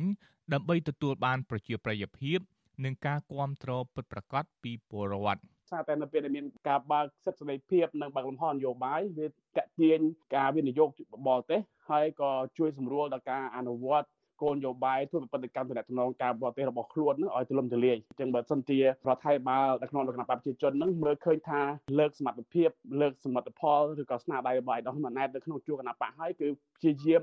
ពង្រឹងអាករណីភាពដំណាភាពក្នុងការគ្រប់គ្រងរបស់គណៈបព្វជិជនដែលជារដ្ឋាភិបាលនឹងឲ្យច្រើនបន្តិចឆ្លើយតបទៅនឹងការលើកឡើងនេះអ្នកនាំពាក្យគណៈបកប្រជាជនកម្ពុជាលោកសុកអេសានអះអាងថាការសម្រេចដាក់រូបលោកហ៊ុនម៉ាណែតទៅក្នុងប៉ាណូគណៈបកធ្វើឡើងតាមសេចក្តីសម្រេចរបស់ថ្នាក់ដឹកនាំគណៈបកដូច្នេះគណៈបកប្រជាជនកម្ពុជា មិនមានការបែកបាក់ផ្ទៃក្នុងនោះទេចរជនវ័យចាស់របស់គណៈបកប្រជាជន បានលះបង់ធ្វើពលិកម្មគ្រប់បែបយ៉ាងអស់ហើយចឹងទេដល់ជាក្រិតក្រមសមទៀតត្រូវតែមានអ្នកបន្តវេនដូច្នេះការដែលលះបង់ដោយសុទ្ធចិត្តការលះបង់ដោយភ្ជាប់រលឹកដោយច្បាស់លាស់នេះទៅឲ្យឈាមថ្មីបន្តវេនដឹកនាំប្រទេសនេះគឺតែវាគ្មានអីធ្វើឲ្យថ្នាំងថ្នាក់ទេ ពីព្រោះឋានៈដឹកនាំវ័យចាស់ហ្នឹងគឺសិតតែបានលះបង់អស់វាអត់មានបញ្ហាអីគណៈបកប្រជាជនកម្ពុជាបានសម្រេចផ្លាស់ប្ដូររូបមេដឹកនាំក្នុងប៉ាណូគណៈបកនេះសម្រាប់ការអបអរសាទរនៃការប្រពខួបអនុស្សាវរីយ៍លើកទី45នៃទិវាជ័យជំនះ7មករាឆ្នាំ2024និងបន្តប្រើប្រាស់សម្រាប់ការឃោសនាបោះឆ្នោតទាំងសកល និងអសកលនៅពេលខាងមុខកាលពីថ្ងៃទី17ខែធ្នូ ខ្ញុំយុនសាមៀនវិទ្យុអាស៊ីសេរីប្រធានាធិបតី Washington ចាលោកដានីជាទីមេត្រីពាក់ព័ន្ធនឹងថ្ងៃ7មករានេះដែរក្រមយុវជនមួយចំនួនបង្ហាញពីការយល់ឃើញផ្សេងផ្សេងគ្នា ចំពោះការប្រពខួបលើកទី45នៃទិវាជ័យជំនះ7មករាខាងមុខដែលគណៈបកកណ្ដាលអំណាចតែងតែប្រារព្ធជារៀងរាល់ឆ្នាំ អ្នកខ្លះយល់ថាថ្ងៃ7មករាគឺជាថ្ងៃដែលវៀតណាមឈ្លានពានទឹកដីកម្ពុជា ដើម្បីចង់បំផ្លាញប្រជាប្រដ្ឋខ្មែរប៉ុន្តែអ្នកនាំពាក្យគណៈបកប្រជាជនកម្ពុជាវិញ លើកឡើងថាយុវជនទាំងនោះគឺមិនយល់ពីថ្ងៃ7មករានឹងកើតមិនទាន់ចំនួននោះផងចានេះគឺជាសកម្មភាពពុស្ដារបស់លោកយ៉ងច័ន្ទដារាជំវិញព័ត៌មាននេះប្រជាពលរដ្ឋនិងយុវជនមួយចំនួនលើកឡើងថា ថ្ងៃ7មករាគឺជាថ្ងៃដែលកងទ័ពវៀតណាមចូលឈ្លានពានកម្ពុជាគណៈរដ្ឋាភិបាលដឹកនាំដោយគណៈបកប្រជាជនកម្ពុជាបានចាត់ទុកថ្ងៃ7មករានេះគឺជាការរំដោះប្រជាពលរដ្ឋរួចផុតពីការគ្រប់គ្រងរបស់ប៉ុលពតសកម្មជនសង្គមកញ្ញាស្រុនស្រីលក្ខប្រាប់វិទ្យុអាស៊ីសេរីនៅថ្ងៃទី6មករាថាថ្ងៃទី7មករាមិនមែនជាថ្ងៃដែលប្រជាពលរដ្ឋខ្មែរត្រូវដឹងគុណវៀតណាមនោះទេ កញ្ញាបន្តថាប្រវត្តិសាស្ត្រខ្មែរបានបង្ហាញអំពីកងទ័ពវៀតណាមបានសម្លាប់ប្រជាពលរដ្ឋខ្មែរយ៉ាងរង្គាលជាពិសេសផែនការក5របស់វៀតណាមដែលធ្វើឲ្យប្រជាពលរដ្ឋខ្មែររាប់សែននាក់បាត់បង់ជីវិត និងនិរាសព្រាត់ប្រាសគ្រួសារកញ្ញាបន្ថែមថាអ្នកដែលដឹងគុណបំណាច់វៀតណាមអាចជាអ្នកទទួលបានលៀបសក្ការៈពីវៀតណាម។ យើងមើលតាមប្រវត្តិសាស្ត្រមកយើងឃើញតែវៀតណាមជិះជាន់ខ្មែរវៀតណាមកាត់សម្លាប់ខ្មែរមានទាំងយកដីខ្មែរដូចជាខ្មែរកម្ពុជាក្រោមអីហ្នឹងបច្ចុប្បន្នហ្នឹងក៏មិនទាន់ល្អរូបការរស់នៅរបស់គាត់ក៏នៅតែមានការគិតសង្កត់ពីជនជាតិវៀតណាមដែរហើយមួយវិញទៀតការរស់នៅរបស់វៀតណាមវត្តមានវៀតណាមនៅក្នុងប្រទេសកម្ពុជារបស់យើងបច្ចុប្បន្នហ្នឹងក៏នៅតែមានភាពអវិជ្ជមានមួយចំនួនកើតឡើងដែរអញ្ចឹងខ្ញុំយល់ថាខ្ញុំមិនដឹងអរគុណវៀតណាមថងចំណុចណាអញ្ចឹងបងគណៈបកកណ្ដាលអំណាច បានចាត់ទុកថ្ងៃ7មករាគឺជាថ្ងៃពិសេសឬហៅថាជាថ្ងៃកំណើតទី2ដែលកម្ពុជាត្រូវបានរំដោះចេញពីរបបកម្ពុជាប្រជាធិបតេយ្យឬរបបខ្មែរក្រហមគណៈបកនេះបានបញ្ចូលថ្ងៃ7មករាគឺជាថ្ងៃបុណ្យជាតិហើយតែងតែរៀបចំប្រារព្ធរំលឹកខួបជាទ្រង់ទ្រាយធំទោះជាយ៉ាងនេះក្តីមានប្រជាពលរដ្ឋមួយចំនួនហាក់បង្ហាញការមិនពេញចិត្តចំពោះរដ្ឋាភិបាលដែលតែងតែឲ្យប្រជាពលរដ្ឋខ្មែរនិយាយអគុណដល់វៀតណាម។ អ្នករត់ម៉ូតូកង់3នៅក្នុងក្រុងសៀមរាបលោកឆាយរតថ្លែងថាកាលពីឆ្នាំ1979លោកមានអាយុ17ឆ្នាំហើយលោកក៏ជាទាហានមួយរូបដែរក៏ប៉ុន្តែលោកយល់ថាថ្ងៃទី7មករាគឺជាថ្ងៃដែលកងទ័ពវៀតណាមឈ្លានពានទឹកដីកម្ពុជានិងមានចេតនាចង់បង្កើតរដ្ឋាភិបាលថ្មីមួយដែលស្ថិតនៅក្រោមការត្រួតត្រារបស់វៀតណាម។ ថ្ងៃ7មករានេះខ្ញុំសូមនិយាយថាវាអត់មានជាថ្ងៃដឹងគុណមកជួយខ្មែរយើងអីទេអត់ទេអត់មានទេគឺជាថ្ងៃដែលខ្មែរយើងពោពេញទៅដោយការជឿចាប់ពោពេញទៅដោយទុវេទនាតង់ម៉ែឪតង់ក្រុមគ្រួសារយើងកន្លងមកអ្វីដែលយើងដឹងគុណបំផុតនោះហើយខ្ញុំក៏សូមអំពាវនាវទៅដល់បងប្អូនយុវជនជំនាន់ក្រោយដែរថាយើងត្រូវតែដឹងគុណធំបំផុតនៅថ្ងៃទី23តុលាឆ្នាំ91ដែលជាថ្ងៃដែលបញ្ចប់សង្គ្រាម តកតងទៅនឹងរឿងនេះសកម្មជនកិច្ចព្រមព្រៀងសន្តិភាពទីក្រុងប៉ារីសលោកស្រុនស្រូនពន្យល់ថាប្រទេសមួយដែលមានអធិបតេយ្យភាពគឺជាការសហការរវាងប្រទេសនិងប្រទេសហើយប្រសិនបរដ្ឋាភិបាលកម្ពុជាឲ្យបរដ្ឋដឹងគុណវៀតណាមនោះមានន័យថាកម្ពុជាមិនមែនជាប្រទេសមានអធិបតេយ្យភាពនោះទេ លោកបន្តថាកងទ័ពវៀតណាមបានចូលមកលើទឹកដីកម្ពុជាជាង3សែននាក់ដោយយកលេសរំដោះពលរដ្ឋខ្មែរចេញពីរបបខ្មែរក្រហមគឺជាការឈ្លានពាននិងរំលោភច្បាប់អន្តរជាតិពាក់ព័ន្ធទៅនឹងបូរណភាពទឹកដី ការដែលយើងមានទស្សនៈខុសគ្នាអ្នកខ្លះថា7មករាក៏ជាថ្ងៃរំដោះអ្នកខ្លះថា7មករាជាថ្ងៃឈ្លានពានទៅអាហ្នឹងគឺជាទស្សនៈផ្ទាល់ខ្លួនតែសម្រាប់ខ្ញុំ7មករាមិនមែនគឺជាថ្ងៃរំដោះទេពីព្រោះខ្ញុំជឿទៅលើអង្គការសហប្រជាជាតិដែលថ្កោលទោសវៀតណាមថាមកឈ្លានពានខ្មែរអញ្ចឹងបើវៀតណាមឈ្លានពានខ្មែរ7មករាគឺជាថ្ងៃដែលវៀតណាមឈ្លានពានស្របតាមច្បាប់ធម្មនុញ្ញសហប្រជាជាតិឆ្លើយតបចំពោះការលើកឡើងទាំងនេះអ្នកនាំពាក្យគណៈបកប្រជាជនកម្ពុជាលោកសុកអេសានចាត់ទុកការលើកឡើងទាំងនេះ ថាជារឿងដែលមិនយល់អំពីសង្គ្រាម និងមិនយល់អំពីថ្ងៃ7មករាលោកបន្តថារដ្ឋាភិបាលកម្ពុជា នៅតែបន្តដឹងគុណវៀតណាម និងរំកល់គុណបំណាច់នេះទុកនៅក្នុងចិត្តពេលដែលយើងជីវិតយើងចិត្តអស់ហ្នឹងយើងពៀវនាវរកប្អិនប្រព្រំប្រទេវតាអ្នកដែលមានបារមីមានអត្តរិទ្ធនឹងមកជួយយើងឲ្យបានទាន់ពេលវេលាឥឡូវយើងបានរួចរស់ហើយគាត់ថាយើងដឹងគុណយើងដឹងគុណកំតែដឹងគុណមិនមែនលក់ក្បាលឲ្យឲ្យគេទេ ជុំវិញបញ្ហានេះអ្នកសិក្សាកិច្ចការសង្គមនិងនយោបាយលោកប៉ៅមករាមានប្រសាសន៍ថាកម្ពុជាគួរតែបញ្ឈប់ការដឹងគុណវៀតណាមតទៅទៀតពីព្រោះកម្ពុជាក៏មានគុណលើវៀតណាមដែរដែលនៅពេលនោះកម្ពុជាផ្ដល់ទឹកដីឲ្យកងទ័ពវៀតណាមឈរជើងប្រយុទ្ធជាមួយនឹងកងទ័ពវៀតណាមខាងត្បូងលោកបន្តថាការបន្តដឹងគុណវៀតណាមមិនបានផ្ដល់ប្រយោជន៍ដល់ពលរដ្ឋខ្មែរនោះទេផ្ទុយទៅវិញ មានតែធ្វើឲ្យពលរដ្ឋមានការយល់ច្រឡំថាកម្ពុជាជំពាក់គុណវៀតណាម។ កាលណាយើងដឹងគុណទៅវាមានថាអតិពលបរទេសអតិពលប្រទេសជិតខាងនោះវាជះទៅដល់យុវជនជំនាន់ក្រោយនោះកាន់តែមានបញ្ហាពាក់ព័ន្ធទៅនឹងការដឹងតែពីដឹងគុណគេអញ្ចឹងណាដែលដែលខ្លួនឯងធ្លាប់ធ្វើគុណទៅលើគេហ្នឹងគឺអត់បានដឹងអញ្ចឹងវាអត់មានជាជាប្រយោជន៍អីសម្រាប់យុវជនកម្ពុជាក៏ដូចជាប្រជាជនកម្ពុជាទេយុវជននិងអ្នកខ្លំមើលសង្គមលើកឡើងថា បើទោះបីជាថ្ងៃ7មករា1979គឺជាថ្ងៃបើកទំព័រប្រវត្តិសាស្ត្រថ្មីដែលរំដោះប្រជាពលរដ្ឋខ្មែរឲ្យរួចផុតពីរបបឃោឃៅអាវខ្មៅប៉ុលពតយ៉ាងណាក្តីក៏ថ្ងៃនោះគឺជាថ្ងៃដែលកងទ័ពវៀតណាមចូលឈ្លានពានប្រទេសកម្ពុជា និងជាថ្ងៃដែលក្រុមមន្ត្រីគណៈបកប្រជាជនកម្ពុជាសពថ្ងៃនេះបានធ្វើធំនិងដឹកនាំប្រទេសក្រោមការលើកបន្ទប់ពីវៀតណាម ទំនងជាដោយសារមូលហេតុនេះហើយទើបធ្វើឲ្យគណៈបកប្រជាជនកម្ពុជាប្រើគ្រប់វិធីដើម្បីការពារសមិទ្ធផល ថ្ងៃ7មករានោះខ្ញុំយ៉ងច័ន្ទដារាវិទ្យុអាស៊ីសេរី Washington ាលោកដានៀងជាទីមេត្រីក្នុងឱកាសនេះដែរនាងខ្ញុំសូមថ្លែងអំណរគុណដល់លោកដានៀងកញ្ញាទាំងអស់ដែលតែងតែមានភក្ដីភាពចំពោះការផ្សាយរបស់យើងហើយចាត់ទុកការស្ដាប់វិទ្យុអាស៊ីសេរី គឺជាផ្នែកមួយនៃសកម្មភាពប្រចាំថ្ងៃរបស់លោកអ្នកការគ្រប់គ្រងរបស់លោកដានៀងនេះហើយដែលធ្វើយើងខ្ញុំមានទឹកចិត្តកាន់តែខ្លាំងថែមទៀតក្នុងការស្វែងរកនិងផ្តល់ព័ត៌មានជូនដល់លោកដានៀងចាំមានអ្នកស្ដាប់អ្នកទេសនាកាន់តែច្រើនកាន់តែធ្វើយើងខ្ញុំមានភាពស្វាហាប់មោះមុតជាបន្តទៀតចាយើងខ្ញុំសូមអរគុណទុកជាមុន ហើយក៏សូមអញ្ជើញលោកដានៀងកញ្ញាចូលរួមជំរុញឲ្យសកម្មភាពផ្ដល់ព័ត៌មានរបស់យើងនេះកាន់តែជោគជ័យបន្ថែមទៀតលោកដានៀងអាចជួយយើងខ្ញុំបានដោយគ្រាន់តែចុចចែករំលែកឬ share ការផ្សាយរបស់យើងនេះ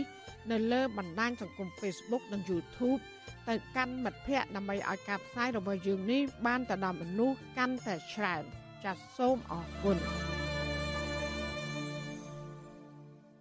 ចាលោកនាងជាទីមេត្រីនៅឯខេត្តបាត់ដំបងឯនោះវិញវងសัตว์ប្រជៀវរាប់លានក្បាលតែងតែបង្ហាញខ្លួន ចេញពីលាអាង ភ្នំសំពៅ ដែលជាគោលដៅទេសចរយ៉ាងសំខាន់ ដែលភ្ញៀវជាតិនិងអន្តរជាតិចាប់អារម្មណ៍ទៅទស្សនាកំសាន្ត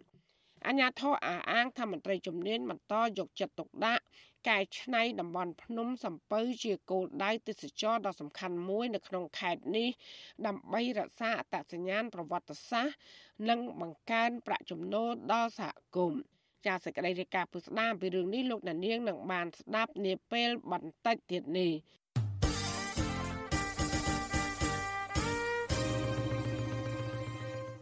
ចាលោកអ្នកស្ដាប់ទទីមេត្រីស្ត្រីខ្មែរខ្លះដែលរួចខ្លួនចេញពីការជួញដូរផ្លូវភេទបាននិយាយថាបរិចិននិងគ្រួសារខ្លះបានចាត់ទុកពួកនាងដូចជាឧបករណ៍បង្កើតកូន ហើយគេវាយធ្វើបាបលើរាងកាយបង្ខាំងនៅក្នុងបន្ទប់និងគៀបសង្កត់សេរីភាពគ្រប់បែបយ៉ាង។ ស្ត្រីខ្មែរទាំងនោះក៏បានផ្ដាំផ្ញើដល់ស្ត្រីខ្មែរគ្រប់រូបនៅក្នុងប្រទេសថាកុំឲ្យចង់បានលុយពីចិន ហើយបថុយរៀបការទៅតាមគេដោយងាយងាយឲ្យសោះពីព្រោះថាបើសិនជាសំណាងអាក្រក់នឹងត្រូវគេវាយដំលើរាងកាយជារៀងរាល់ថ្ងៃដោយមិនមានឱកាសបានវិលត្រឡប់មកជួបជុំក្រុមគ្រួសារវិញឡើយចានេះគឺជាសក្តីរាយការណ៍ពិស្ដាររបស់លោកយ៉ងច័ន្ទតារាជំវិញព័ត៌មាននេះ សមាគមការពារសិទ្ធិមនុស្សអាត60រកឃើញថានៅក្នុងចំណោមស្ត្រីខ្មែរជាច្រើនដែលរងគ្រោះដោយអំពើជួញដូរមនុស្សទៅកាន់ប្រទេសចិនពួកគេមានវិបត្តិផ្លូវចិត្តធ្ងន់ធ្ងរព្រមទាំងស្មារតីបាក់ស្បាតដោយសារតែទទួលរងការធ្វើទរណកម្មអំពើហិង្សាទាំងផ្លូវកាយនិងផ្លូវចិត្តពីគ្រួសារចិនមួយចំនួនប្រធានទទួលបន្ទុកផ្នែកស្ត្រីនិងកុមាររបស់សមាគមការពារសិទ្ធិមនុស្សអាត60អ្នកស្រីសុនម៉ាលីមានប្រសាសន៍ថា តាមការជួបសម្ភាសនិងប្រឹក្សាយោបល់ជាមួយស្ត្រីខ្មែរជាច្រើនអ្នកដែលត្រូវបានរំដោះចេញពីអំពើជួញដូរមនុស្សនៅប្រទេសចិនជនរងគ្រោះទាំងនោះមានបញ្ហាប៉ះទង្គិចផ្លូវចិត្តផ្លូវអារម្មណ៍ស្មារតីនិងរាងកាយយ៉ាងធ្ងន់ធ្ងរដោយសារតែប្តីនិងក្រុមគ្រួសារជនជាតិចិនទាំងនោះធ្វើបាបវាយដំលើរូបរាងកាយនិងគំរាមកំហែងព្រមទាំងគៀបសង្កត់ជាដើម អ្នកស្រីសុនម៉ាលីឲ្យដឹងទៀតថាស្ថានភាពរបស់ស្ត្រីខ្មែរស្ទើរតែទាំងអស់នៅពេលវិលត្រឡប់មកដល់ប្រទេសវិញហាក់មិនចង់និយាយស្ដីអ្វីនោះទេគឺបានត្រឹមតែបង្ហាញទឹកមុខតក់ស្លុតនិងបង្ហូរទឹកភ្នែកជំនួសឲ្យការឈឺចាប់ហួសប្រមាណដោយសារតែការធ្វើបាបសឹងតែលែងមានតម្លៃជាមនុស្សតទៅទៀត នៅពេលដែលយើងទទួលករណីគឺភាគច្រើនវាយដំគាត់ថត់ឆ្នាំប្តីវាយជាប់លើរាងកាយគាត់បង្ខាំងគាត់ទុកអាហារក៏មិនឲ្យញ៉ាំតាមរបៀបជាប្តីប្រពន្ធនេះណាទុកក្នុងផ្ទះឲ្យញ៉ាំតែបន្លែក្នុងផ្ទះហើយមានករណីខ្លះមិនត្រឹមតែការរួមភេទតែប្រុសម្នាក់នឹងឯនៅក្នុងសមាជិកគ្រួសារប្រុសប្រុសនឹងក៏អាចមករួមភេទដោយសេរីដែរវាជាឧបករណ៍រួមភេទរបស់គេបងយើងសម្លឹងទៅទាំងផ្លូវកាយផ្លូវចិត្តផ្លូវភេទរបស់ជនរងគ្រោះគឺវាប៉ះទាំងកិច្ចទាំងអស់ សមាគមអាត60រកឃើញទៀតថាក្រៅតែពីស្ត្រីខ្លះត្រូវបានគេវាយធ្វើបាបផ្លូវកាយនិងផ្លូវចិត្តហើយនៅពេលដែលគ្រួសារចិនខ្លះឲ្យពួកគាត់បង្កើតកូនសម្រាប់គ្រួសាររបស់គេរួចហើយពួកគេក៏លក់ស្ត្រីខ្មែរទាំងនោះបន្តទៅឲ្យបង្កើតកូននៅគ្រួសារផ្សេងទៀតដែរស្ត្រីមួយរូបអាយុ27ឆ្នាំរស់នៅក្នុងស្រុករវៀងខេត្តព្រះវិហារដែលបានរួចខ្លួនពីការជួញដូរមនុស្សទៅកាន់ប្រទេសចិនបានរៀបរាប់ថា មេខ្យល់បានបោកបញ្ឆោតនាំរូបនាងចេញពីគ្រួសារកាលពីអំឡុងខែតុលាឆ្នាំ2020ទៅកាន់ប្រទេសចិនដើម្បីរៀបការជាមួយនឹងបរិសុជនជាតិចិននាងមិនដឹងថាមេខ្យល់ដែលនាំរូបនាងទៅនោះគេបានប្រាក់ប៉ុន្មានម៉ឺនដុល្លារពីបរិសុចិននោះទេក៏ប៉ុន្តែសម្រាប់ក្រុមគ្រួសាររបស់នាងទទួលបានប្រាក់តែ1000ដុល្លារប៉ុណ្ណោះ ស្ត្រីដដែលឲ្យដឹងថានៅពេលគេនាំនាងទៅដល់ខេត្តហ្វូជិននៃប្រទេសចិនបានរយៈពេលមួយសប្តាហ៍គេក៏លក់នាងទៅឲ្យបរិសុចិនម្នាក់ដែលមានចិត្តអាក្រក់និងកាចសាហាវខ្លាំងនាងរស់នៅជាមួយបរិសុនោះមានកូនស្រីម្នាក់ក៏ប៉ុន្តែជីវិតជាប្រចាំថ្ងៃមិនមានសេរីភាពនិងតម្លៃជាមនុស្សនោះទេ គេឲ្យហូបប៉ុណ្ណាគឺប៉ុណ្ណឹងគ្រឿងលុយកាក់ក៏គេអត់ឲ្យស្អីក៏គេអត់ឲ្យចកាលទៅច្រើនខ្ញុំទាំងតែខ្ញុំពោះធំពេលរុនខ្លាំងជាងគេគាត់វាយខ្ញុំវាយខ្ញុំហើយដេញខ្ញុំចេញពេលខ្ញុំរត់ចេញអញ្ចឹងទៅគាត់ឃុំខ្ញុំនៅក្នុងបន្ទប់បដាច់ Wi-Fi បដាច់អីទាំងអស់បិទទូរស័ព្ទខ្ញុំចោលទាំងអស់បដាច់ការទំនាក់ទំនងពីម៉ែខ្ញុំនិងខ្ញុំទាំងអស់អ្នកចិត្តខាងដែលខ្ញុំស្គាល់ដូចជាខ្មែរដូចជាចិនអីអត់ឲ្យតាក់តងមួយខ្ញុំខោអាវស្លៀកពាក់អីបានតែមុនដំបូងថ្មីថ្មីពេលដែលយូរយូរទៅឲ្យខ្ញុំលាកខោអាវដល់ម៉ែគាត់ហើយឈឺចាប់ខ្លាំងបំផុតគឺបែកពីកូនស្រីស្ត្រីរូបនេះបញ្ជាក់ទៀតថា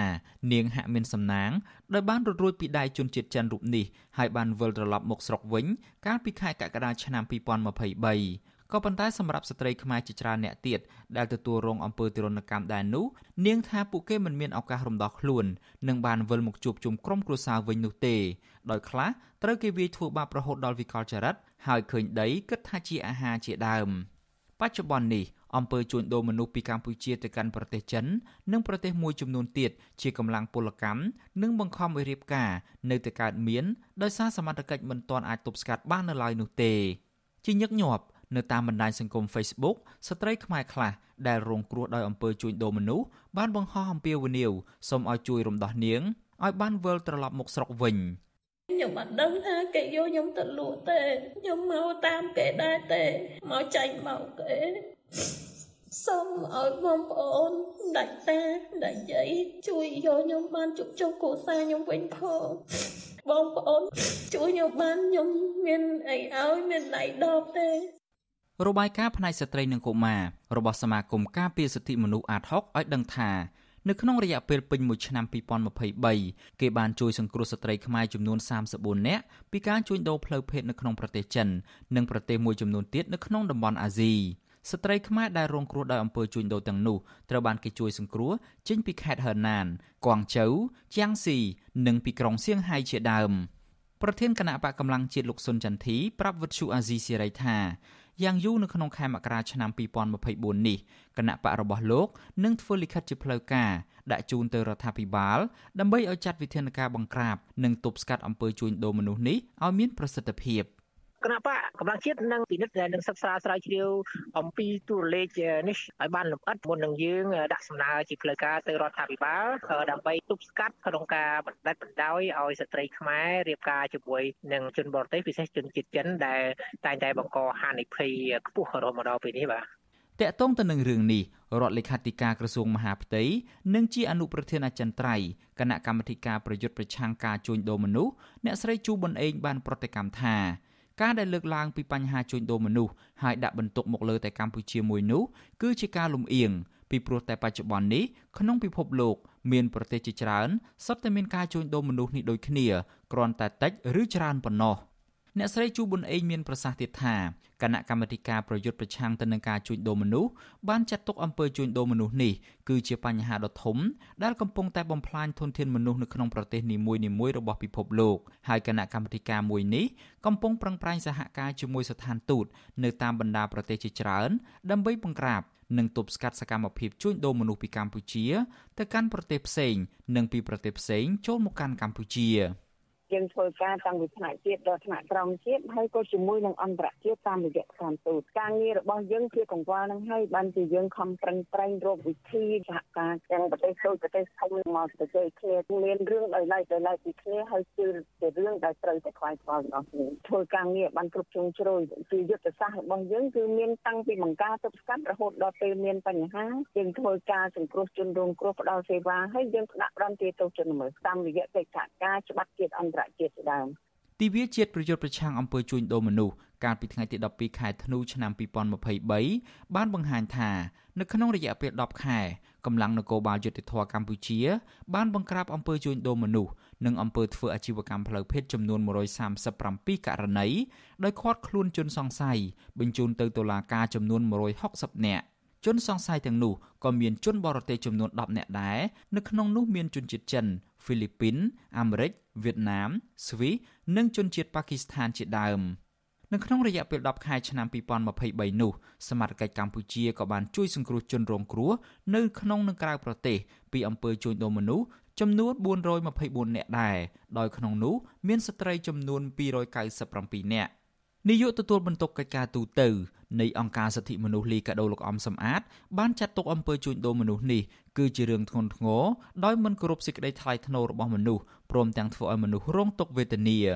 លោកឲ្យដឹងថាអង្គការលីកាដូនិងអង្គការដៃគូមួយចំនួនទៀតធ្លាប់បានចេញសេចក្តីថ្លែងការណ៍ស្តីពីការប្រួយបារម្ភពីអំពើជួញដូរមនុស្សការឆបោកតាមប្រព័ន្ធអនឡាញជាដើម។ យើងជាអង្គការសង្គមស៊ីវិលនៅតែទទូចសូមឲ្យចាត់វិធានការឲ្យបានតឹងរឹងទៅលើបញ្ហាទាំងអស់ហ្នឹងជាពិសេសជនដែលពាក់ព័ន្ធហ្នឹងទោះបីជាមានតំណន្តរស័ក្តិណាក៏ដោយត្រូវតែអនុវត្តតាមផ្លូវច្បាប់ត្រូវតែលុបបំបាត់ចោលអំពើពុករលួយដែលពាក់ព័ន្ធនឹងបទល្មើសនៃការជួញដូរមនុស្សហ្នឹងហើយពង្រឹងក្នុងការអនុវត្តច្បាប់និងកិច្ចសហការជាមួយនឹងបណ្ដាប្រទេសជិតខាងជាដើមដើម្បីទប់ស្កាត់បញ្ហាការជួញដូរមនុស្សគឺជារឿងមួយធ្ងន់ធ្ងរ ក្រុមអង្គការក្រៅរដ្ឋាភិបាល និងអ្នកស៊ើបអង្កេតបរទេសបានរកឃើញដូចគ្នាថា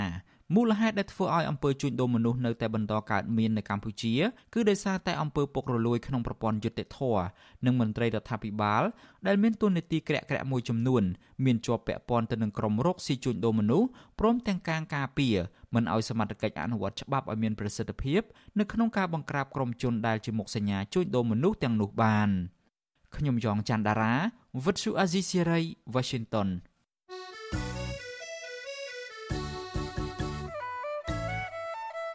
ចាលោកនានីជាទីមេត្រីកម្មវិធី podcast កម្ពុជាសប្តាហ៍នេះរបស់វិទ្យុអាស៊ីសេរីចេញផ្សាយនៅរៀងរាល់ព្រឹកថ្ងៃសៅរ៍នៃសប្តាហ៍នីមួយៗមកនៅប្រទេសកម្ពុជា ចាសូមប្រិយមិត្តស្វែងរកនិងស្ដាប់ podcast របស់យើង នៅលើកម្មវិធី podcast របស់ Apple, Google និង Spotify ដោយគ្រាន់តែសរសេរពាក្យថាកម្ពុជាសប្តាហ៍នេះឬ Cambodia This Week ដោយក្នុងប្រអប់ស្វែងរកតែយើងក៏នឹងចាប់ផ្សាយ podcast នេះឡើងវិញនៅក្នុងការផ្សាយផ្ទាល់របស់យើងតាមបណ្ដាញសង្គម Facebook, YouTube និង Telegram នៅរៀងរាល់យប់ថ្ងៃច័ន្ទចាសសូមអរគុណ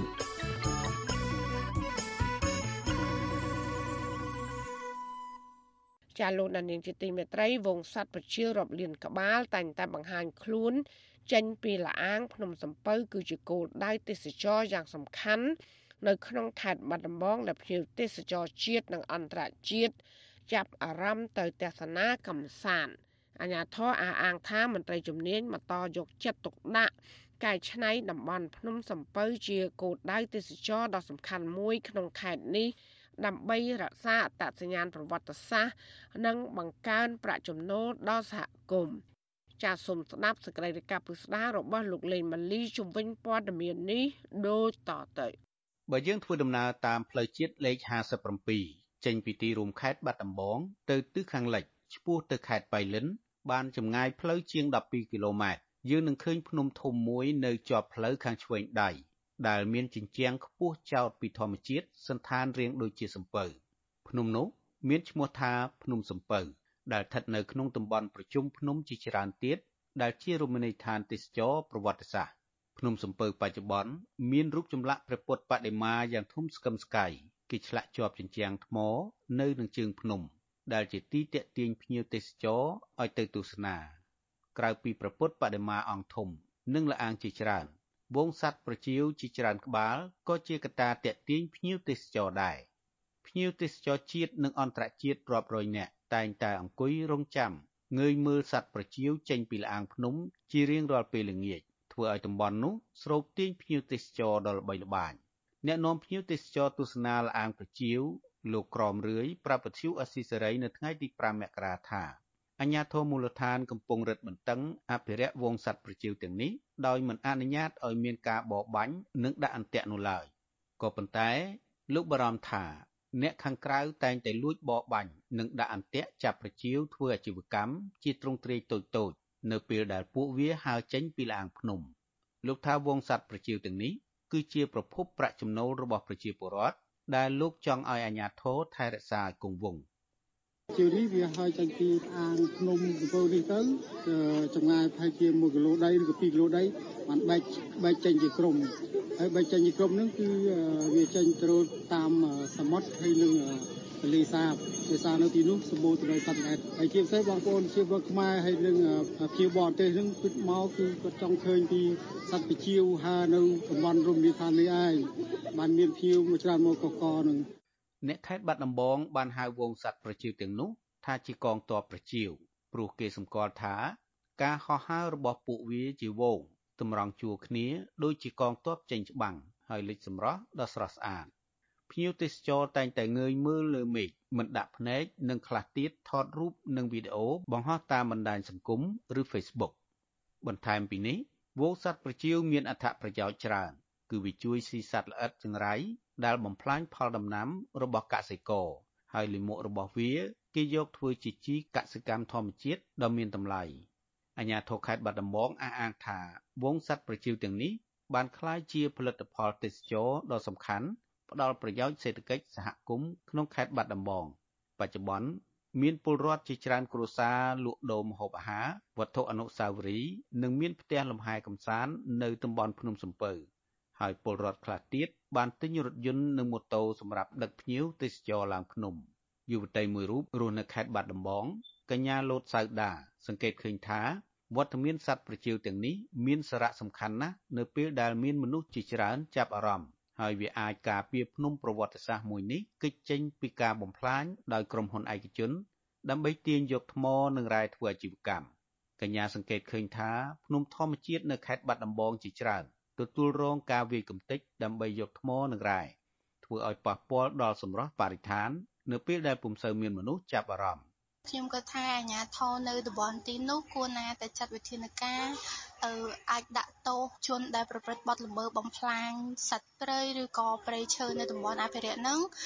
ពិន័យជាសាច់ប្រាក់ឬក៏ដាក់ពន្ធនាគារទៅតាមកម្រិតនៃទោសនៃពួកគាត់ហ្នឹងហើយមួយទៀត អឺអាជ្ញាធរគួរណាតែអាចចំណាយថវិកាមួយចំនួនទៅលើការដាក់កងការពារនៅទីនោះផងអតីតអ្នកយាមលអាងប្រជៀវលោកក្រមរឿយបន្ថែមថាកន្លងទៅមានជនឆ្លៀតឱកាសតែងតែលួចបរបាញ់ដើម្បីយកសាច់ប្រជៀវធ្វើអាជីវកម្មក៏ប៉ុន្តែមកទល់ពេលនេះអាជ្ញាធរបានពង្រឹងការអភិរក្សដោយមានឆ្មាំយាមល្បាតយ៉ាងប្រុងប្រយ័ត្នជារៀងរាល់ថ្ងៃលោកបន្ថែមថា ពលរដ្ឋខ្លះពុំសូវយល់ដឹងពីប្រយោជន៍សត្វប្រចៀវហើយពួកគាត់តែងតែលួចបរបាញ់ធ្វើជាអាហារនៅពេលវាហើរចេញពីលអាងភ្នំអត់មែនយកនៅក្នុងឡាននោះទេអញ្ចឹងពីជាវនឹងវាហើរចេញទៅក្រៅទៅវាមានអ្នកគប់ក្មេងៗគប់ហូប2 3អញ្ចឹងទៅឬក៏អាចអាកាសទៅច្រើន4 10 20អញ្ចឹងទៅអញ្ចឹងណាវាអត់មានមកឡើងយកតង្ក្រងតង្ក្រងដូចនៅពីមុនពីមុនទេតកតទៅនឹងវិស័យទេសចរអនុប្រធានមន្ទីរទេសចរខេត្តបាត់ដំបង លោកហមអរុនប្រាប់វិទ្យុអស៊ីសេរីថាអាញាធរបន្តពង្រឹងសន្តិភាពសន្តិសុខនិងរក្សាតម្លៃម្ហូបអាហារឲ្យបានសមរម្យលោកចាត់ទុកភ្នំសំពៅជាគោលដៅទេសចរប្រណិតប្រចាំខេត្តបាត់ដំបងលោកបញ្ជាក់ថាមន្ត្រីជំនាញបានយកចិត្តទុកដាក់អភិរក្សសត្វប្រចៀវនិងសត្វព្រៃនៅតំបន់ភ្នំសំពៅឲ្យគង់វង្សដើម្បីបន្តទាក់ទាញភ្ញៀវទេសចរ យើងនៅតែអាចនិយាយបានថាភ្នំសពៅជាគោលដៅទេសចរមួយដ៏សំខាន់មន្ទីរទេសចរក៏ដូចជារដ្ឋបាលខេត្តយកចិត្តទុកដាក់នៅក្នុងការជំរុញអភិវឌ្ឍរៀបចំនៅទីនោះហើយគឺនឹងបង្កើននៅភ្ញៀវភាពតេទៀងគ្នាបន្ថែមគឺយើងនឹងពង្រឹងឲ្យបានខ្លាំងក្លាទៅលើការរក្សានៅសណ្ដាប់ធ្នាប់តម្លៃនៃផលិតផលទាំងអស់នោះហើយក៏ដូចជាអនាម័យបាទរីឯនៅលើកំពូលភ្នំសំពៅវិញ មានវត្តអារាមចំណាស់មួយ ហើយមានលអាងភ្នំជាច្រើនរួមមានលអាងផ្កាស្លាលអាងប្រជៀវនិងលអាងខ្មៅជាដើមដោយឡែកនៅក្បែរភ្នំសំពៅមានចង្កោមភ្នំសំខាន់សំខាន់មួយចំនួនទៀតរួមមានភ្នំក្តោងភ្នំក្រពើ ភ្នំអណ្ដើកភ្នំទ្រង់មន់ភ្នំទ្រង់ទាភ្នំនាងរំសាយសក់និងភ្នំតាក្រៀមជាដើម ដែលភ្នំទាំងនេះសុទ្ធសឹងជាភ្នំប្រវត្តិសាស្ត្ររបាយការណ៍របស់មន្ទីរទេសចរខេត្តបាត់ដំបងបង្ហាញថា គិតចាប់ពីខែមករាដល់ខែធ្នូឆ្នាំ2023មានភ្ញៀវទេសចរជាតិនិងអន្តរជាតិទៅទស្សនានៅតាមតំបន់រមណីយដ្ឋាននានាទូទាំងខេត្តនេះមានចំនួនជាង620,000នាក់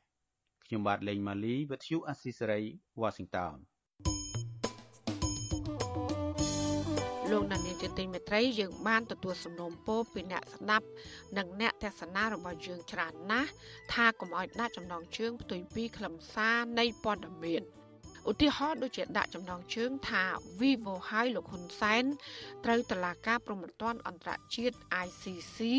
យកទៅកាត់ទោសជាដើមក៏ប៉ុន្តែនៅពេលដែលចុចស្ដាប់ទៅ គឺមិនលឺនិយាយអំពីរឿងនេះសោះចាយើងខ្ញុំសូមជម្រាបថាការដាក់ចំណងជើង ដែលខុសពីខ្លឹមសារទាំងនេះ គឺជាការបោកប្រាស់របស់ក្រុមរកស៊ីតាម YouTube ដើម្បីរកលុយតែប៉ុណ្ណោះពួកគេបានលួចយកខ្លឹមសារនៃការផ្សាយរបស់វិទ្យុអសីស្រី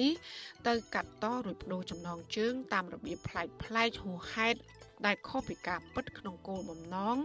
តាក់ទាញចិត្តលោកនាងឲ្យចុចស្ដាប់ឬទស្សនាដើម្បីបាន view ឬក៏បានអ្នកចូលទស្សនាច្រើន។ មានអ្នកចុចស្ដាប់កាន់តែច្រើនពួកគេក៏កាន់តែរកប្រាក់បានច្រើននោះដែរចាទីស្រីមិនដែលដាក់ចំណងជើងខុសពីខ្លឹមសារនោះទេ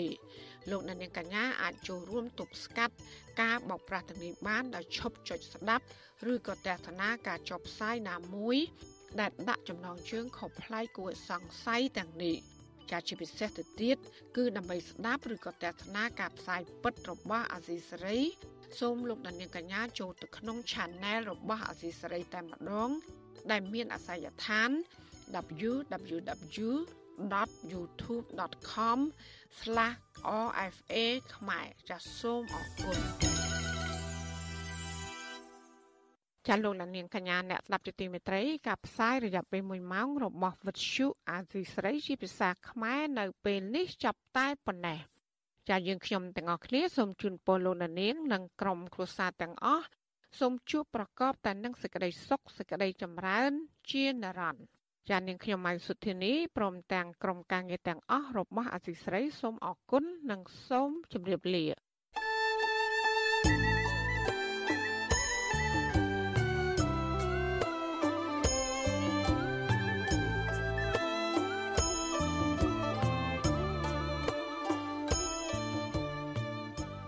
ទ្យុអេស៊ីសរ៉ៃផ្សាយតាមរលក ធារកាសខ្លីតាមកម្រិត និងកម្ពស់ដូចតទៅនេះ ពេលព្រឹកចាប់ពីម៉ោង5កន្លះដល់ម៉ោង6កន្លះតាមរយៈប៉ុស SW 93.90 MHz ស្មើនឹងកម្ពស់ 32m និងប៉ុស SW 11.85 MHz ស្មើនឹងកម្ពស់ 25m ពេលយប់ចាប់ពីម៉ោង7កន្លះដល់ម៉ោង8កន្លះតាមរយៈប៉ុស SW 93.30 MHz ស្មើនឹងកម្ពស់ 32m ប៉ុស SW 11.88 MHz ស្មើនឹងកម្ពស់ 25m និងប៉ុស SW 15.15 MHz ស្មើនឹងកម្ពស់ 20m លោកអ្នកនាងក៏អាចស្ដាប់និងទស្សនាការផ្សាយផ្ទាល់នៅលើគេហទំព័រ Visual Asia សេរីតាមរយៈអាសយដ្ឋាន rfa.org/ ខ្មែរក្រៅពីនេះលោកអ្នកនាងក៏អាចអាននិងទស្សនាព័ត៌មានវិទ្យុអាស៊ីសេរីលើទូរស័ព្ទដៃរបស់លោកអ្នកនាងផ្ទាល់ សូមអញ្ជើញលោកអ្នកនាងដំឡើងកម្មវិធីវិទ្យុអាស៊ីសេរីនៅលើទូរស័ព្ទដៃរបស់លោកអ្នកនាងឬស្វែងរកវិទ្យុអាស៊ីសេរីនៅលើ YouTube ឬ Facebook ដោយស្វែងរកពាក្យថាវិទ្យុអាស៊ីសេរីឬ RFA ខ្មែរសូមលោកអ្នកនាងចុច like follow និងចុច subscribe ដើម្បីទទួលបានព័ត៌មានថ្មីៗតាមហេតុការណ៍និងទស្សនាវីដេអូផ្សេងៗទៀតបានគ្រប់ពេលវេលា យើងខ្ញុំសូមជូនពរដល់លោកអ្នកនាងព្រមទាំងក្រុមគ្រួសារទាំងអស់ឲ្យជួបប្រកបតែនឹងសេចក្តីសុខសេចក្តីចម្រើនរុងរឿងកុំបីឃ្លៀងឃ្លាតឡើយ thank you